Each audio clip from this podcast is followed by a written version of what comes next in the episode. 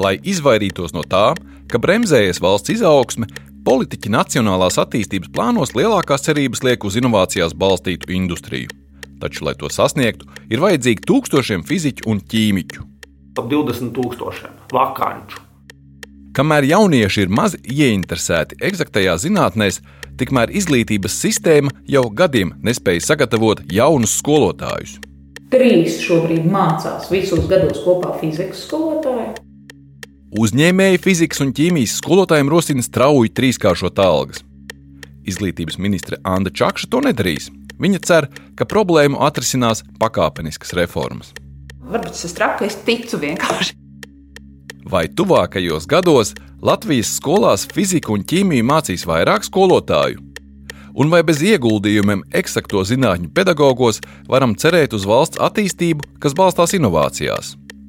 To atvērto failu pusstundā pētīšu es, Andrejs Vasks.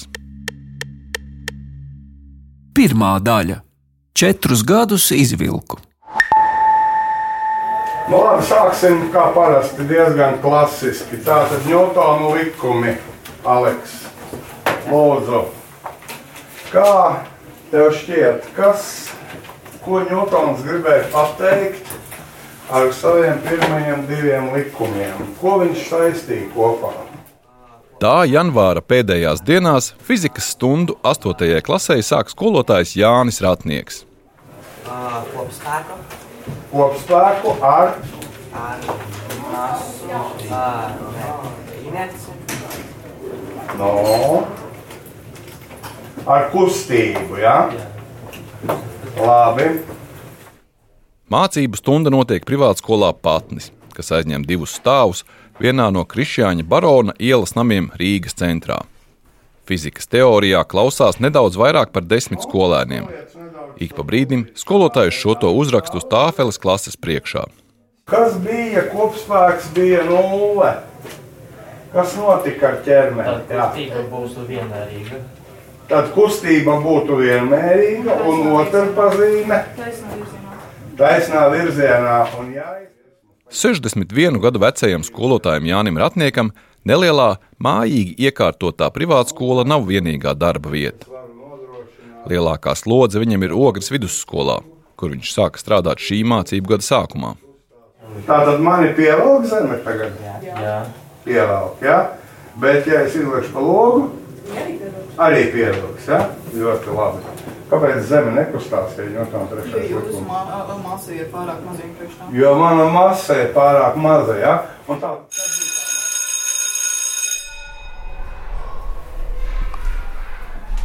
Ratniekam pedagoģa darbs ir aicinājums. To viņš man atklāja īsā sarunā, kas notiek starpbrīdī starp mācību stundām. Es pabeidzu skolu, tad es eh, pabeidzu augstskolu, tad es aizgāju strādāt uz skolu.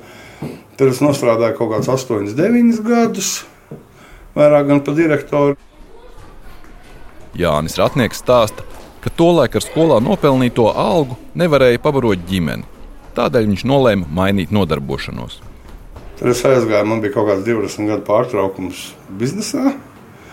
Un tagad man bērni ir izauguši. Ja vajag, tad viņi man var restorēt. Ja? Nu, tagad es varu atļauties atkal strādāt par skolotāju, ko daru pēdējos laikam, septiņus gadus. Fizikas, ķīmijas un bioloģijas pedagoģi skolās pietrūkst jau gadiem. Privātskolās pedagogiem maksā vairāk, tāpēc atrast skolotājs ir vieglāk. Stāsta privātskolas patnis attīstības direktors Ivo Rode. Ja, protams, ka mūsu pri- privātskolas atalgojums ir, ir lielāks pēc fakta jau tāpat. Jā. Mēs vienkārši varam atļauties maksāt, maksāt vairāk. Jā. Bet eh, un tas ir nu, tāpēc, ka jums ne, nav skolotāja trūkuma. Jā. Viņš stāsta, ka ir arī citas priekšrocības, ko vispārējās mācību iestādēs nevienmēr var piedāvāt. Tā nauda šajā brīdī ir, ir svarīga, un, un tā matemātika vēl kas ir svarīga, kad skolotājs izvēlas darba vietu, kur strādāt. Nevienmēr ir tikai atalgojums, vēl ir um, tātad slodze, ko tev piedāvā, dienas, kuras tu vari izvēlēties, bērnu skaits klasē. Vai ir kaut kāds vēl papildu apmaksātais laiks, gatavošanās laiks un kaut kādi vēl citi papildu pienākumi, ko tu vari darīt, nesot kontaktstundās un nopelnot naudu. Jo kontaktstundas mēs zinām, ir tas, kas visvairāk nogurdina. Ivo Rode pats ir vēstures skolotājs un ir mācījis vairākās skolās. Ir bijis arī kādas skolas direktors Cēsīs. Pašvaldību vēlēšanās viņu ievēlēja Cēsu domē, kur viņš vada izglītības, kultūras un sporta komiteju. Skolotāju un skolu problēmas viņam ir labi zināmas. Tāpēc es viņam jautāju, kādai būtu jābūt skolotāju algai, lai tā būtu pievilcīga. Tas jautājums ir, cik daudz viņš grib strādāt. Mums eh, pārsvarā ir skolotāji, kuri piecas dienas nedēļā negrib strādāt skolā kuri ir tādi, kuriem saka, ja es gribu trīs dienas nedēļā strādāt pie jums. Vai ir citi, kas divas dienas grib strādāt, un viņiem ir kaut kādas citas nodarbošanās, kas kādreiz skola viņam ir pamatdarbs, kādreiz skola viņam nav pamatdarbs. Nu, es nemēģinu tagad izvairīties no atbildes. Es saku, ka tie individuālie gadījumi ir tik dažādi. Vai privātā skolā varētu nopelnīt skolotājs 3000? Var. Var jau tagad, jā. Valstī noteiktā likme par vienu slodzi no šā gada janvāra ir 1080 eiro uz papīra. Tas ir apmēram 800 eiro uz rokas.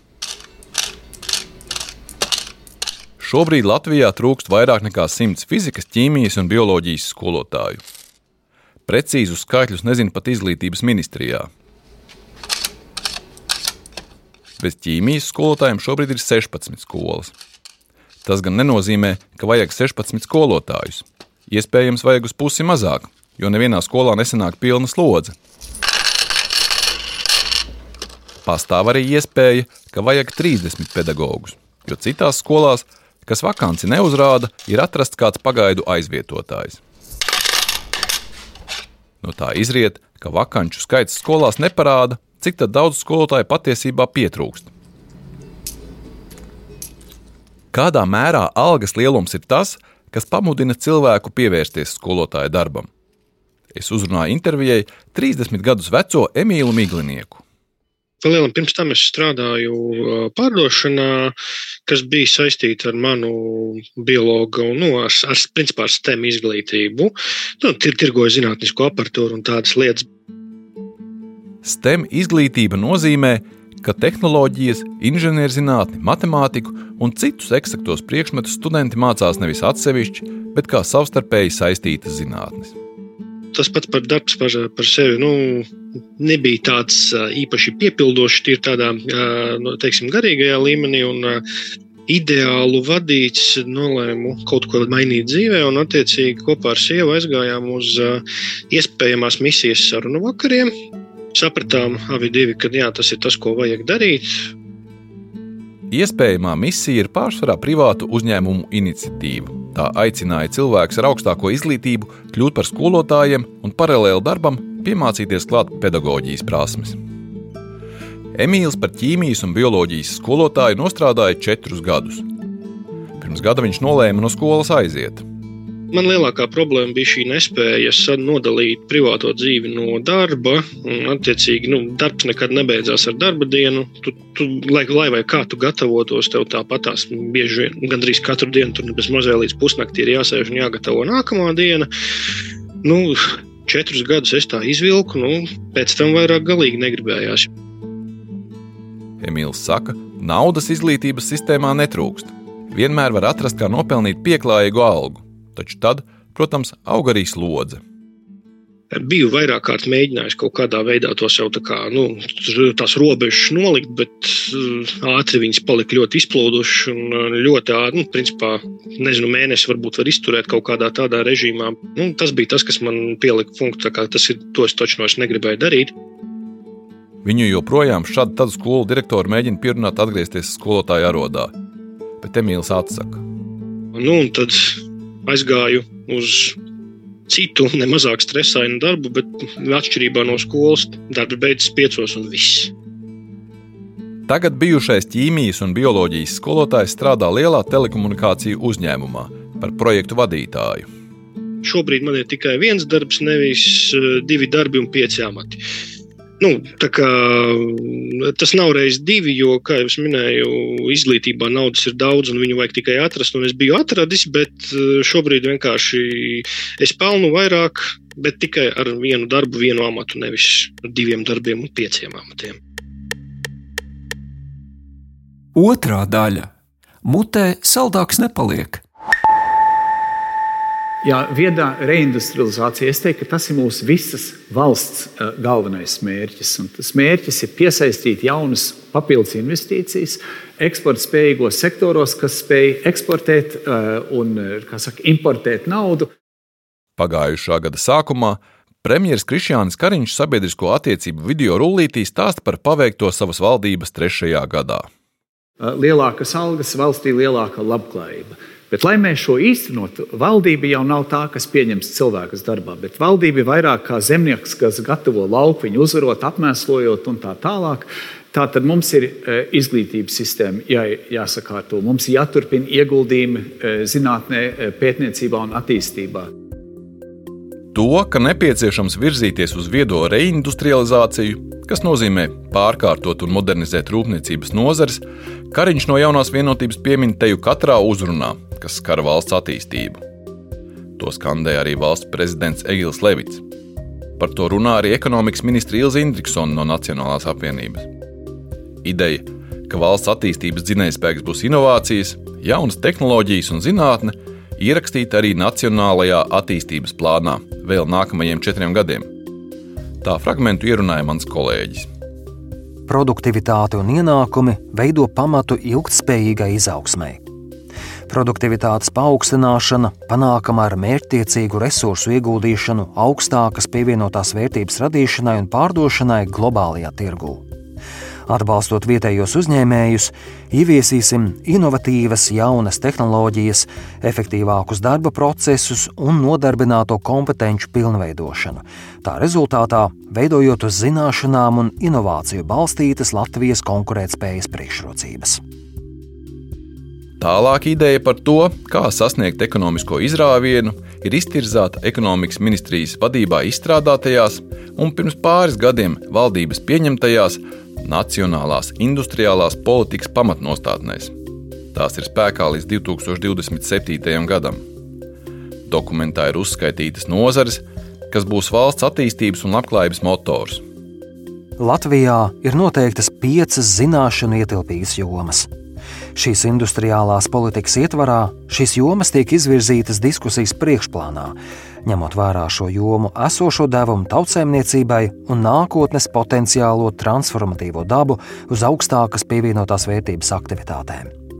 Jomas, kurās Latvijai ir pieejama resursi un kompetence, un kas veido Latvijas viedās specializācijas stratēģijas konceptu, ir šādas: zināšanu ietilpīga bioekonomika, biomedicīna, medicīnas tehnoloģijas, farmācija, fotonika un viedie materiāli, tehnoloģijas un inženieru sistēmas, viedā enerģētika un mobilitāte, informācijas un komunikācijas tehnoloģijas.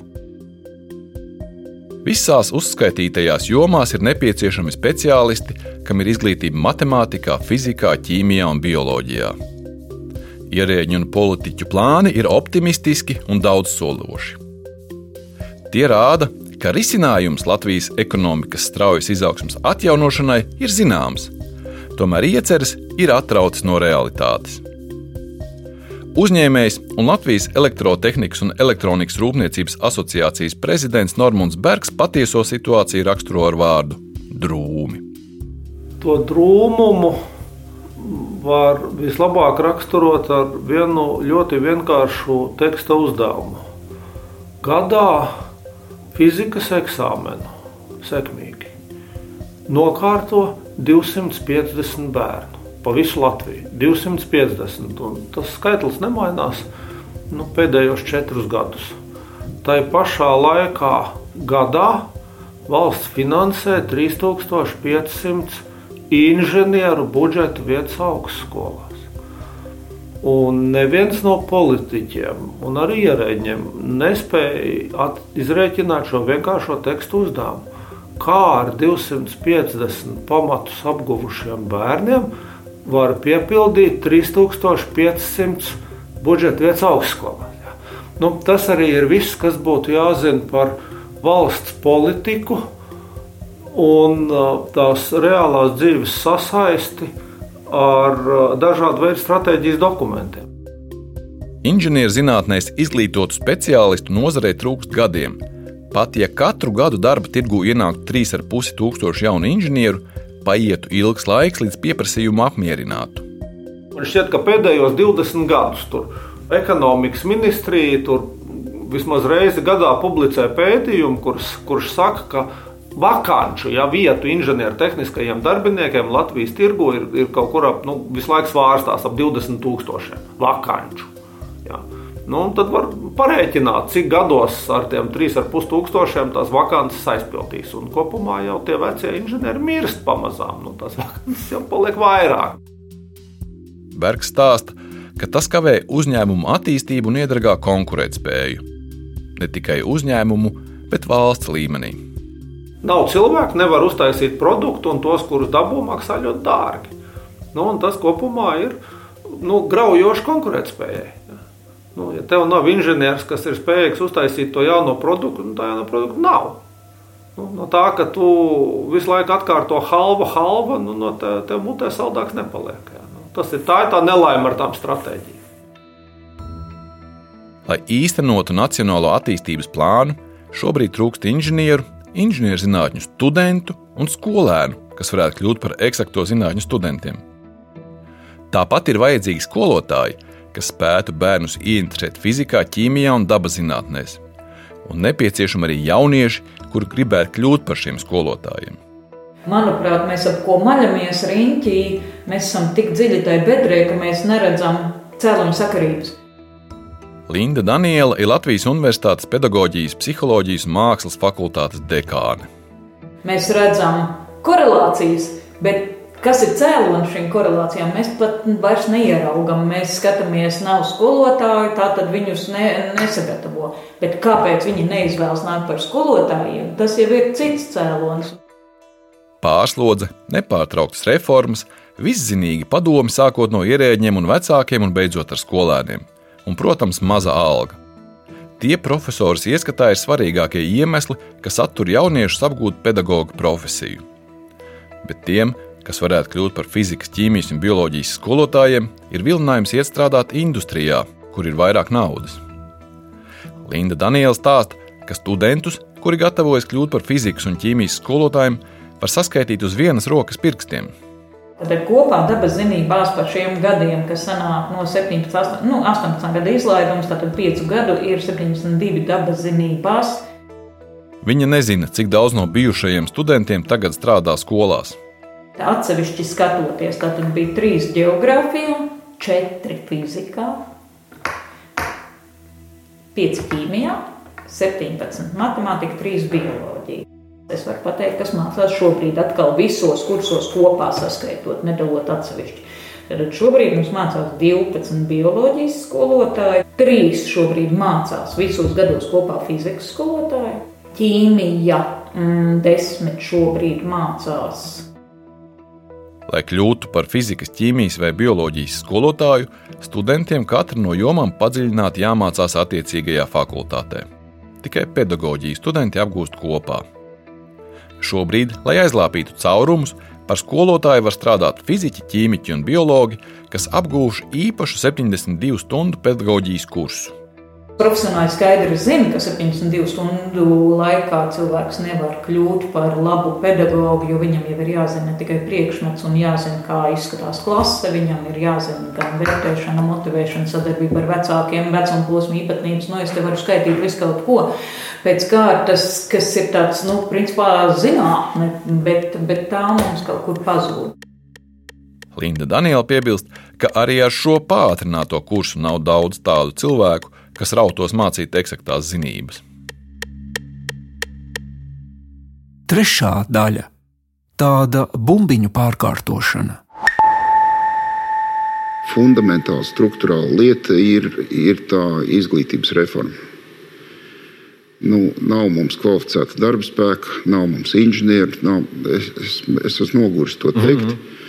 Bet, nu, ja mums skolās joprojām nu, tiek filozofēts, vai, vai būs tur kaut kādi pasniedzēji, tā ir katastrofa. Šā gada sākumā bijušais politiķis un uzņēmējs Aigars Stokenbergs komentē jaunās valdības darāmos darbus žurnālista Māra Zandera vadītajā TV24 televīzijas raidījumā Kur tas suns aprakts. Tā ir Latvijas atpalīdzība uz turpmākajiem 15 gadiem.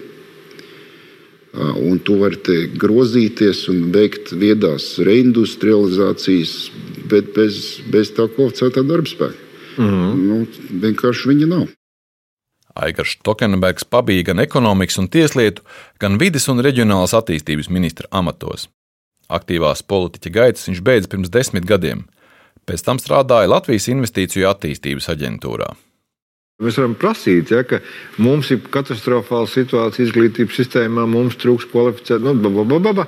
un tad jautājums, ko tu sagaidi, kas ir tas apraksts produkts? Nē, nu, tā kā vienkārši, kā vienkārši uzņēmējs, es sagaidu, ka ir arī vienkāršas metodas. Nu, pieliec nu, trīskāršu algu, iedot 3000 algu. Mm. Tiem fizikas, matemātikas, ķīmijas, bioloģijas pasniedzējiem. Mm. Mani interesē, Cik viņa prāt šāds scenārijs ir reāls un kāpēc viņš min tieši 3000 eiro lielu algu? No kurienes 3000? Kāpēc 3000? No gaisa. Bet, nu, ja mēs mēģinām atrast uh, to kontekstu, nu, vienkārši lai, lai panāktu kaut kādu rezultātu, vajag diezgan radikāls pārmaiņas. Tokenbergs uzskata, ka ir divi galvenie iemesli, kāpēc valstī ir tik bēdīgi ar fizikas un ķīmijas apgūvi skolās. Man ir vairāk skaidrojumu. Pirmkārt, mums ir vienota algu sistēma, kā izrādās, kurā augstāk tiek vērtēti nu, šobrīd tie, kuriem fizika un matemātika nav vajadzīga. Viņš gan ar ironiju piebilst, ka fizika un matemātika lieti noder, lai pildītu premjera pienākumus, jo vairākas valdības vadījuši fiziķi. Nu, otrs ir parastā latviešu skaudība. Nu, kāpēc gan šitiem biediem vajadzētu maksāt vairāk? Es jau tur uzreiz paredzu, ka tur būs pārējo priekšmetu skolotāju pārmetu. Bet ir vienkārši lieta, ko māca dzīve un uzņēmējdarbība, biznesa. Tev ir vajadzīgi instrumenti, ja tu gribi kaut ko sasniegt. Nu, tev nepietiek ar to, ka tu strādā vairāk. Tev ir jābūt gudrākam.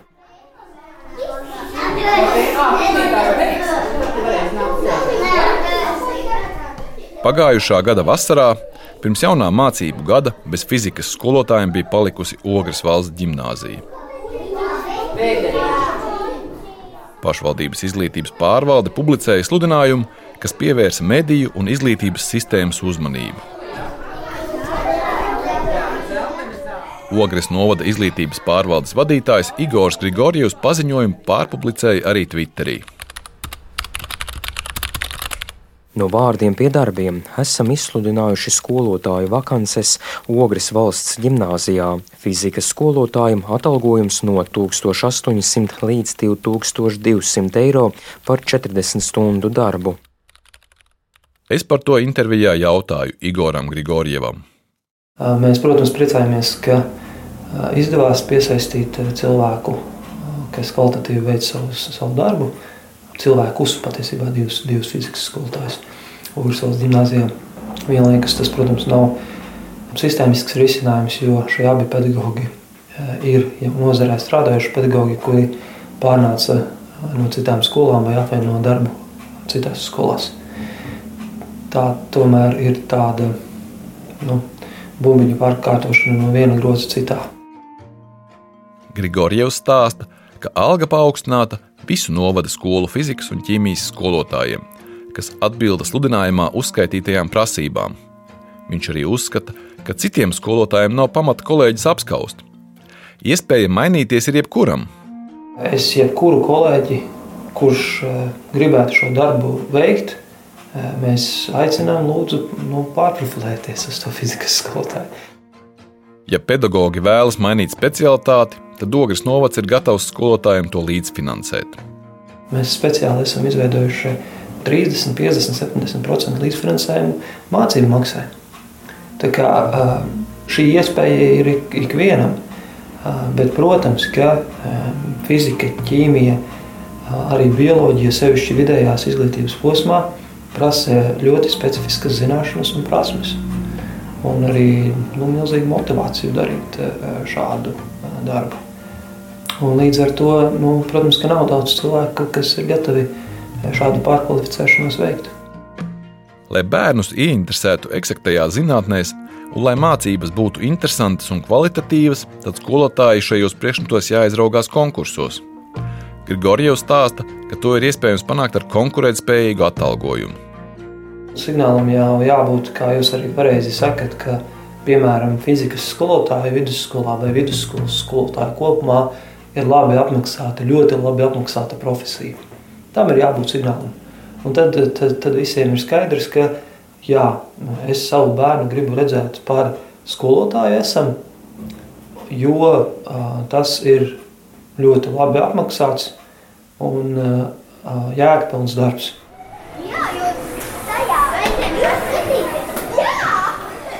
Par pedagoģu štata noklāpšanu primāri atbildīgs ir skolas direktors.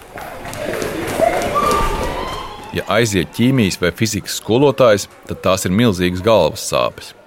Direktoru izaicinājums, protams, primāri šobrīd ir pat vispār nevis domāt par kvalitāti, bet uh, vispār, lai notiek mācību stundas, kontakta stundas. Tā saka Latvijas izglītības vadītāju asociācijas prezidents un Sigūdas valsts gimnāzijas direktors Rudolfs Kalvāns. Vecāki izdara milzīgu spiedienu, bet nu jau mēs redzam, direktori, ka vecāki kļūst empātiskāki. Jā, viņi spiedienu turpina izdarīt, bet nu, tajā brīdī, kad um, mēs viņiem pastāstām, vai kāds no viņiem varbūt nu, nāks strādāt, vai nu, kur man viņus, kur man viņus kā, nopirkt, tos skolotājus, nu, kur kaut kāda darba birža, CV online, nu, kur, kaut, kur man viņus dabūt, nu, kā, kur viņus ražoja. Nu, tad it kā jau nekādu kā, komentāru nav. Tas stāsts, direktor, tu esi vadītājs, tā ir tava problēma. Paldies Dievam, pišķiņš mazinās. Kalmāns ir optimistisks par nākotni. Gada sākumā skolotājiem palielināja algas, un izglītības ministrija ir solījusi turpināt tās celt visiem pedagogiem. Piedevām ir solīts arī atbalsts pedagoģijas studijām, un tas varētu uzlabot situāciju ar eksakto priekšmetu skolotājiem. Ja būs šis signāls šiem cilvēkiem par algu, un jaunajiem cilvēkiem savukārt par budžeta vietām un studiju stīpām, tad tas sāk cerīgi izskatīties. Plus pašvaldības liek iekšā. Tagad bija polises, dienesta dzīvoklis, vieta dārziņā, tagad pašvaldība vēl no trešās puses. Ja? Nu, to jau var mēģināt nu, pārdot. Kāpēc gan ne? Jūs neesat tāds pesimistisks. Ka... Nē, es, nē, bet tā, vēl es esmu pesimists tajā ziņā, ja mēs to ļurbājamies. Kalvānam ideja krasi paaugstināt algas tikai dabaszinātņu skolotājiem liekas slidena. Viņš stāsta, ja viss piepildīsies, tad nākamgad ik viens pedagogs lielā vidusskolā varēs nopelnīt vairāk nekā 2000 eiro. Nu jau ilgāku laiku skolotāju arotbiedrība draud ar streiku un pieprasa izglītības un zinātnes ministrijai, kā arī valdībai celt skolotāju algas un mazināt pārslodzi. Trūks ne tikai dabaszinātņu skolotāju, sāk pietrūkt arī latviešu valodas skolotāju, jo krievu skolām jāpāriet uz mācībām valsts valodā. Kā doma, ka starp skolotājiem varētu atšķirties algas, vērtē Latvijas izglītības un zinātnes darbinieku arotbiedrībā. Turpina organizācijas vadītāja Inga Vanaga. Mēs teiktu, ka uh, šāda situācija, ka kādai pedagoģu grupai ir ievērojami augstāka darba samaksa, tikai ņemot vērā, tāpēc, ka viņu trūkst nedaudz nu, vairāk nekā kādas citas pedagoģu grupas, nebūtu pieļaujama. Savukārt, vai izglītības ministre un premjera partijas biedrene Anna Čakša ir gatava dubultot algas dabaszinātņu skolotājiem? Šobrīd man jāsaka, tas kopējais stāsts ir par vispār skolotāju algu jautājums, vai kādai grupai vajadzētu maksāt ar koeficientu vairāk. Un tas būtu tā, vai akūtajā brīdī mums vajag piemaksāt tiem, kur mēs redzam, ka eh, mēs nevaram uzreiz atrast aizvietojumu.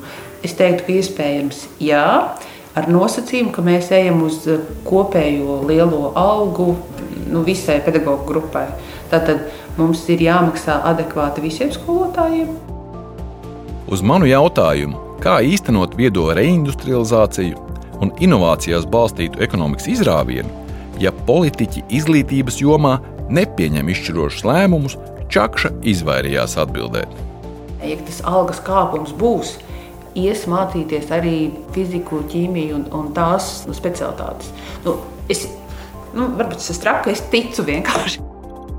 Kādai būtu jābūt algai, lai cilvēku ar fiziķa vai ķīmiķa izglītību ieinteresētu strādāt skolā?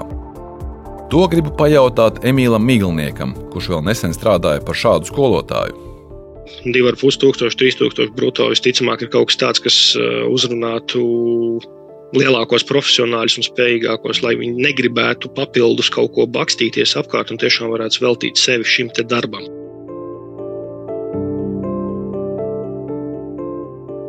Raidījumu veidoja Andrejs Vasks, Čedars Dželzis un Reinis Budze. Atvērtie faili!